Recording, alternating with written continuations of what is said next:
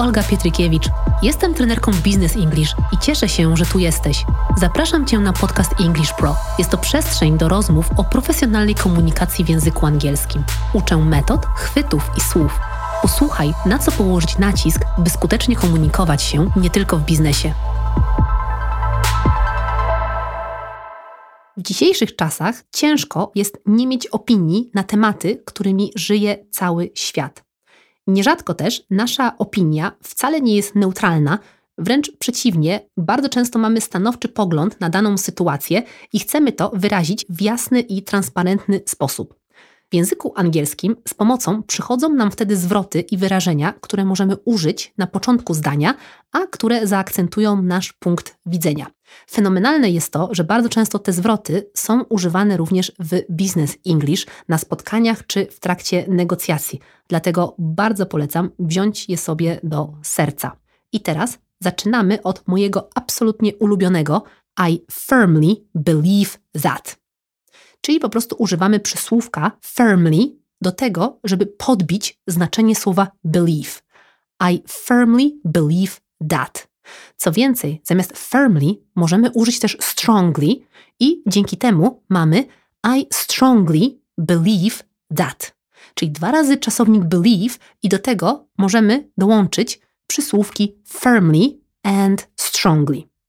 Inne wyrażenie, które bardzo się przydaje, to jest i hold the opinion that. I oczywiście wszyscy znamy wyrażenie in my opinion, ale według mnie I hold the opinion that nie dość, że jest bardziej formalne, to jeszcze brzmi dużo bardziej stanowczo niż takie miałkie in my opinion. Kolejne wyrażenia, które chciałabym Państwu zaprezentować, to jest my stance is that i tutaj stance jako viewpoint, jako punkt widzenia, ale też brzmiące właśnie stanowczo dobrze z tym sy na początku. I kolejne I am of the opinion that. Czyli znowu używamy rzeczownika opinion, ale ubieramy je w całe takie formalne wyrażenie I am of the opinion that. I ostatnie on no occasion, czyli tak jakby pod żadnym pozorem w żadnej sytuacji również bardzo fajne, stanowcze wyrażenie swojego zdania. Popatrzmy teraz na przykłady.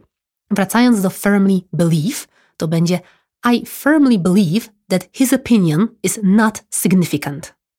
Czyli bardzo stanowczo wierzymy, że czyjaś opinia po prostu jest kompletnie nieistotna. I firmly believe that his opinion is not significant.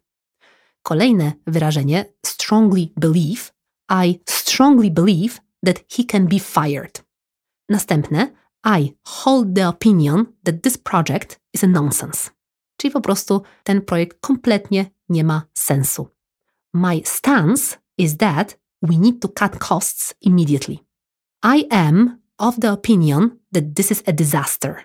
I teraz fantastyczne wyrażenie on no occasion i tutaj uwaga na gramatykę tego zdania, ponieważ będzie ona troszeczkę inna. On no occasion should you think that this is a good idea. Uwaga na czasownik, który znajduje się zaraz po tym wyrażeniu.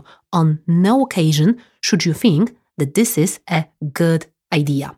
I to są wyrażenia, które wydaje mi się bardzo Państwu pomogą w takim stanowczym, precyzyjnym wyrażeniu swojego zdania na dany temat w biznesie.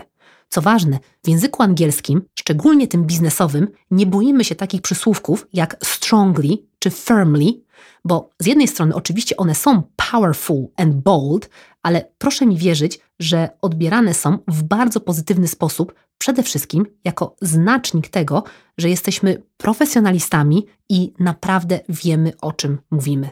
A jeśli chodzi o takie stanowcze przedstawianie swojego viewpoint, swojego standpoint, swojego zdania, no to jest podstawa podstaw. Zanim się rozłączysz albo posłuchasz kolejnego odcinka, mam dwie sprawy.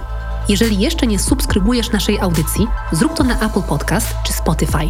Nie przegapisz najnowszego odcinka i pomożesz nam spinać się na listach podcastowych przebojów.